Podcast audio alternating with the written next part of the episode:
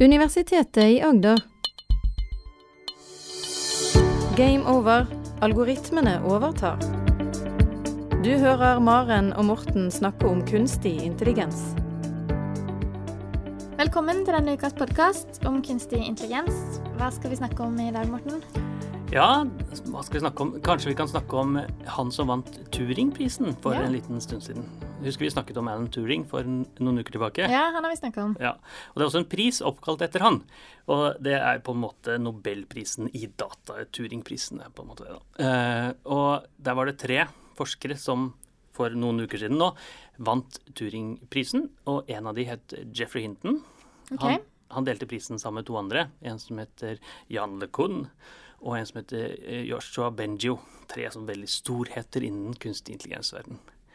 Og den største av de alle, det er eh, Jeffrey Hinton. Gudfaren kalles han i, i kunstig intelligensverden. Fordi han, han sitter oppe og styrer mye og har kontroll på veldig mye av kunstig intelligensforskningen i dag. Da. Så hvor begynte dette her? Eh, Hvem er han? Ja, Jeffrey Hinton er jo en forsker som har gjort et stort bidrag i kunstig intelligensverden, blant og aller størst innen fagfeltet nevral nettverk, dyp læring. Og vi husker vi tilbake så snakket vi om Frank Rosenblatt og Marvin Minsky og disse tidlige forskerne som jobbet med kunstig intelligens og disse nettverkene av nevroner som var koblet sammen på kompliserte måter. Og så startet en algoritmenatt for eh, 40 år tilbake. Mm. Og eh, eh, Jeffrey Hinton var en av de som var med og vekk, våknet forskningsverden fra denne natten der. Men for å forstå eh, Jeffrey Hinton, hva han gjorde i 1986, våknet han, så må forstå litt hvem Hinton er. For Hinton er ikke en, bare en hvem som helst. Han er en forsker som har som da han var liten, fikk beskjed om av sine foreldre at enten så er du forsker, eller så er du fiasko. Oi, det er en streng beskjed å få. Ja, han, og det kan man jo godt si. Han, eh, men det har nok antakeligvis preget livet til Hinton ganske mye. Ja. For det, blant annet så er hans tippoldefar, Hinten er en som heter George Boole. Er det en kjent uh, ja, jeg har hatt eh, litt programmering eh, tidligere. Ja. Det er jo eh, bolig... Uh, Boolean eller uh, bolske variabler er jo uh, riktig bolsk algebra og Ja. de tingene. Og det er jo George Boole er jo grunnen til at det bolsk, bolsk algebra. Ja. Bolsk algebra er oppkalt etter George Boole. Og Og det var betyr jo da sant eller usant, eller ja eller nei. helt riktig. Ja. Én eller null. Ja. Så hvis man vet noe om datamaskin, så vet man i hvert fall at den består av ener og nullere. Mm. Og den formen for matematikk, altså bolsk matematikk eller bolsk algebra. Og dette var tippoldefaren til Jeffrey Hinton. Det var det. Veldig, veldig lenge siden. Og, han var, eh, og Hinton fikk nok høre om eh, George Boole ganske mye i oppveksten, yeah. tenker jeg. Men han var ikke den eneste kjendisen i fagfeltet. Og en, eh, Jeffrey Hinton heter egentlig Jeffrey Everest Hinton. ja. Og det er Everest, hva tenker du på Everest? Nei, det høres det ut som et kjent høyt fjell. Ja, et kjent høyt fjell, ja. Ja. Men egentlig så er uh, fjellet er oppkalt etter George Everest, som var en annen slektning av Hinton oh. tilbake. For før Mount Everest het Mount Everest, så heter det Peak XV. OK. Og han som organiserte ekspedisjonen, het George Everest. En av de tippoldefedrene til uh, Jeffrey Hinton. En av de forfedrene til Jeffrey Hinton. Så hvorfor betyr det noe? Jo, det betyr noe for at hele, hele eh, foreldrene, besteforeldrene, tippoldeforeldrene til Hin eh, Jeffrey Hinton var forskere. Det var sånn at han måtte bli forsker, for det var alle sammen. Ja. Det var ikke noe Veien var lagt. Veien Ja. lagt, da. Og da, da, eh, da han får beskjed om at enten så er du forsker eller er du fiasko som syvåring, så, be, så, er ikke det, så kan det virke veldig strengt for oss, men for den forskerfamilien så er det helt klart at det Det er var sånn det var. forskermann var. Ja. på den måten. Eh, Så det, det var jo hintens eh, bane pos- på positive og negative måter. Og, men når man vokser opp i en forskerfamilie, så er man, veldig, er man typisk veldig nysgjerrig på ting. Da. Og det hinten var nysgjerrig på, var den menneskelige hjernen. Ja. Hvordan, sånn, hvordan kan vi lære? Menneskelig hjerne er en helt fantastisk, et helt fantastisk organ. Vi kan jo lære de aller mest komplekse ting, og det er nesten helt fantastisk at det Mm. går an i det hele tatt. Eh, Men hvis man ser på de enkeltnevronene og synapsene inni hjernen, så er jo ikke de så avanserte i seg selv. Det er sånn enkeltceller som er koblet sammen med masse andre enkeltceller osv. Så, videre. så hvordan har det seg da? At det, alle disse små enkeltcellene er koblet seg sammen, så blir det noe så avansert og noe så fantastisk som hjernen er. Og det var en av de tingene som fascinerte Hinton veldig, veldig tidlig i, karrieren hans. Han fikk øh, Og det han fikk ble vist da han var liten, det var et hologram. Sånn 3D-hologram. Og, og der er sånn Når man ser et hologram, så kan man kanskje ser man fra én side, og så ser man bare litt av hologrammet. Og så kan man fjerne litt av hologrammet, og så klarer man fremdeles å eh, sanse hva hologrammet egentlig er. Ja. Og så tenkte Hinton at ja, ja, kanskje, kanskje dette er noe veien hjernen går, da. Så det er Så sånn, selv om man ikke ser hele bildet, så kan man forstå hva, hva det er likevel. eh, riktig. Ja. Og kanskje er hjernen bygd opp litt sånn da, at uh, hvis du bare fjerner lite grann, så kan du fremdeles huske ganske mye. Mm. Hvis man tenker på ting som en tanke, f.eks. Hvor er en tanke lagret? Er det lagret som i én enkelt nevron, eller er det lagret litt overalt? Og antakeligvis er det lagret sånn litt overalt i, i hjernen. Og det, det var uh, Hintens måte å drømme etter ny kunnskap på. Og hologrammet var med han veldig lenge.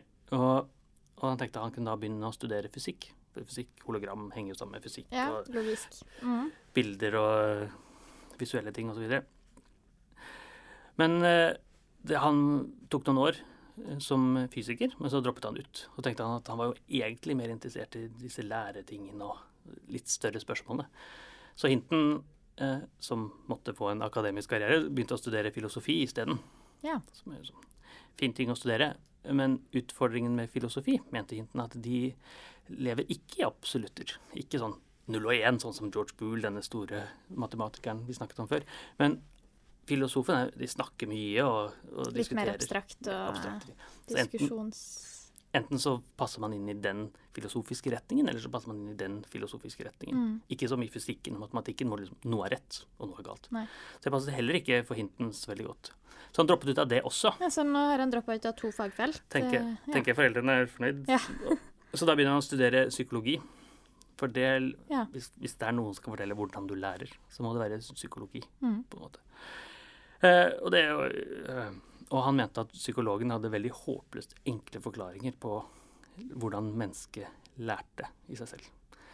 Så masse kjente eh, psykologer som snakker om de store tingene som man lærer, men ikke akkurat hvordan man lærte. Nei. Så, det, så han klarte Passa ikke helt det heller, kanskje. Passet ikke det helt heller. Så, men han klarte å øh, bli ferdig med det. Men han fant ut at øh, psykolog var ikke det han egentlig skulle jobbe innen. Men han fullførte studiet og Det, det klarte han å Ja. fullføre. Ja. Endelig en check. Ja. Havnet på CV-en. Men så begynte han å jobbe som snekker. Som, Som sånn snekker, ja. Det var var ganske drastisk eh, forandring. Fire-fem utdannelser, sånn halvveis fullført, så er det typisk snekker man blir. Ja. Det er det gøy. Eh, dette var jo ikke helt eh, verken hans ambisjonsnivå Nei, gjelder foreldrene eh, Det hørtes ut som han hadde ganske høye forventninger fra foreldre og familie familiegenerasjoner tilbake. Jeg tror både han hadde mye forventninger til seg selv, ja. og foreldrene hadde forventninger. ja. Så det han begynte, da begynte han å lese opp, og så kom han over denne nevralnett-teorien som vi Ja. snakket om. da. Disse Minsky og Frank Rosenblatt som snakket om disse veldig nesten utdødde teknologien. Og da er vi i eh, Da er vi på begynnelsen av 70-tallet en gang. Ja, og i algoritmenatta. Al- Midt i algoritmenatta. ja. Så ingen jobbet med disse nevralnett-teknologiene. For det var sett på som noe som var overhypa eh, 40, 30 år før Ja. i tid. Eh, Det var egentlig lagt på is. Og lagt, litt lagt på is av de aller aller fleste forskere hadde lagt eh, det på is. Ja. Eh, men Hinton bestemte seg at det skal han gjøre. da. Og nå begynte fascinasjonen å slå han. For okay. da eh, klarte Hinton å fullføre en doktorgrad innen eh, Oi. nevralnetteknikker. Tok seks år, som er sånn, ikke så veldig lenge for en doktorgrad, men mer enn normert tid. Ja. Og han tok en doktorgrad innen kunstig intelligens på Edinburgh University og spesialiserte seg innen nevralt nettverk. Så betyr at han var en av de som jobbet med nevrale nettverk midt i algoritmenatten, når ingen andre turte å jobbe med det. Det er imponerende. Veldig, ja, kan jo, Enten så er det imponerende, eller så er han veldig heldig, for han støter på en algoritmeteknikk som viser seg veldig eh, mye i etterkant kan dominere forskningsverdenen. Ja. Der. Men han må vel ha stått ganske alene i, den, eh, i arbeid og i eh, møtt mye motstand. Det Absolutt. kan ikke ha vært så lett. Helt sikkert ikke. Så hvis man tar en akademisk utdannelse, så møter man mye motstand hele tiden. Men en som pleier å være med det, er jo veilederen. Mm. Mens veilederen her hadde ikke tro på nevrale nett. Han hadde ikke det, nei. Så Hinton jobbet jo antakeligvis veldig mye alene. Ja. Så det er sånn at hvis veilederen ikke har tro på engang studentens teknologi, så tror jeg ikke man får så veldig mye veiledning Nei, i det høres ikke sånn ut. Det er ikke rart det tok litt mer enn estimert tid. Ja, det er, eh, det er nok ikke det. Så i 78 så var han ferdig, og da tenkte han skulle, da må man få jobb. Når man mm. doktor, kanskje man skal få en akademisk jobb, bli professor eller førsteamanuensis, som man typisk blir, eller postdokke, sånne stillinger man har i akademia. Eh, der var det ikke så mye jobb i England, hvor Hinton befant seg. Eh, så han måtte reise til USA. Og der var det noen som jobbet med litt lignende teknikk. Han begynte Ja. å jobbe for, eh, på et universitet som heter Carnegie Mellon. Veldig stort og kjent eh, universitet. Og øh, han fant jo da ut at øh, alle andre jobbet med helt andre typer algoritmer, ikke disse nevrale nettene. Men, eh, så det var jo noen som jobbet der, men han satt veldig mye alene også der. Og så fant han ut at eh, han var jo veldig motstander av krig, som han er. Veldig mange var på 70-tallet, og Mhm. fremdeles da. Her er det noen store amerikanske kriger som dominerer mye av politikken. Mm. Eh, og det amerikanske forsvaret finansierte mye av forskningen på Carnegie Mellon som Hinton ikke var så veldig glad i. Så i tillegg så var, Derfor bestemte Hinton seg for å forsvinne eh, til Canada. Og det er jo to grunner til det. En er jo at han da ikke har noen særlig folk å jobbe med. Og det andre er at han da blir finansiert av en militær makt som han ikke ønsker å være assosiert med. Okay. Så han reiser til Canada for å forske litt mer på kunstig intelligens-verden. Og hva skjer der? Og i Canada så sitter han og bygger opp en liten gruppe av folk. Og den gruppen er jo da blitt eh, verdenskjendiser lenge etterpå. For det de fikk til alene eh, i Toronto, det var helt fantastisk. Og det er det som dominerer veldig mye av det som skjer i kunstig intelligens-forskningen i dag. Så man ser gjerne på den lille gruppen av canadere som jobbet eh, sammen. Litt på, som disse veldig store fysikerne på begynnelsen av eh, 1900-tallet. Ja, det er så stort, ja. Ja, ja. Det er, så stort er det i hvert Mm. Og vi, det er noen veldig kjente bilder fra noen fysikkonferanser på begynnelsen av eh, 1920-tallet, hvor Einstein sitter med Madame Curie og Nils Bohr og Edvin Schrødinger, og disse virkelig, virke store sitter sammen på samme konferanse. Og akkurat sånn var det hos Hinten også. De satt nede i kjelleren i Toronto og jobbet med litt sånn kunstig intelligens-teknikker og, og den type ting.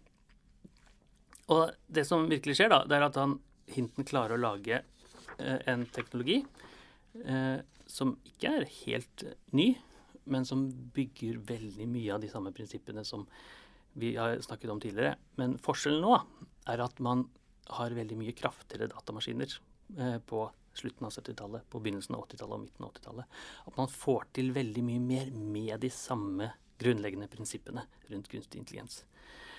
Og det viser seg da at han kommer ut med en artikkel i 1986, som vi skal snakke mer om litt senere.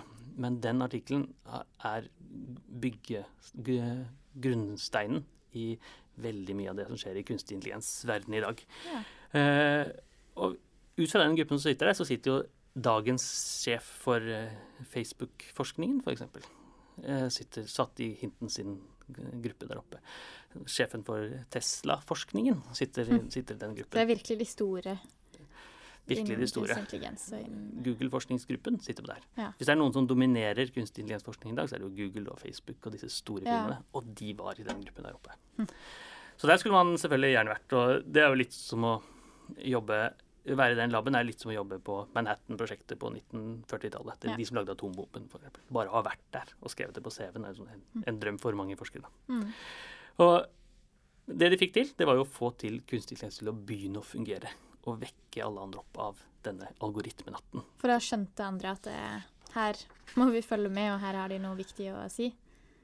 Jeg tror hintene og de skjønte det mye før alle andre. Ja, Så det må de vel nesten ha gjort hvis de skal klare å jobbe med det så i det Så det er slik at den artikkelen kom ut, en veldig kjent artikkel kom ut i 1986. Eh, så man introduserer mye av de prinsippene. Og så gikk det nok noen, i hvert fall en 15 år, før Mm. andre begynte å tenke at dette var relevant. Ja. Man kan jo dra eh, analogien tilbake til f.eks. Einstein, som i 1905 skrev relativitetsteori osv. Og, så og så gikk det noen år før andre begynte å bry seg, Mm. egentlig. Og det samme har skjedd her. Så Hinton med sin gruppe i 1986 skrev en veldig viktig artikkel. Og så tok det noen år før folk begynte å bry seg og skjønne at dette var en plikt. Men hva skrev han i den artikkelen som gjorde at folk skjønte at oi, her må vi få øynene opp? Og, Ja, så det han introduserte, var jo en form for eh, nevrale netteknikker og en måte å lære de opp på det. Og akkurat hva han skrev i den artikkelen, det tenkte jeg at vi skulle vente til neste podkast til å snakke om. Ja. For det begynner å bli så eh, tungt og innfløkt hva det Mhm. handler om.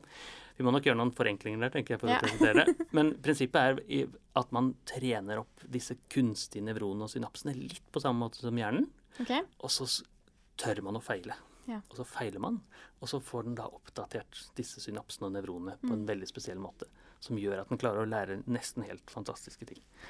Men skjønte folk bare at dette, dette må vi høre på, dette ser, dette ser lovende ut? Eller hadde han noe, vist han noe i praksis, eller åssen skjønte folk, fikk øynene opp for at dette var noe vi må Ja, Det tok en stund før folk fikk øynene opp, tenker jeg. Ja. Og eh, det han viste i praksis, det var eh, Han dyttet inn en rekke familierelasjoner. Mm. Og så skulle de nettverket lære seg de familierelasjonene. Og så kan man tenke ja, er det så fantastisk? Det skal jeg klare å programmere meg til uten kunstig intelligens i løpet av ti minutter, kanskje. Ja. Men det, det som er fantastisk, er at det, noen av de nevronene og sånt klarer å lære ting som man ikke trodde de kunne komme til å lære. Eh, Men da han presenterte dette på vitenskapelige eh, konferanser osv., så, videre, Mm.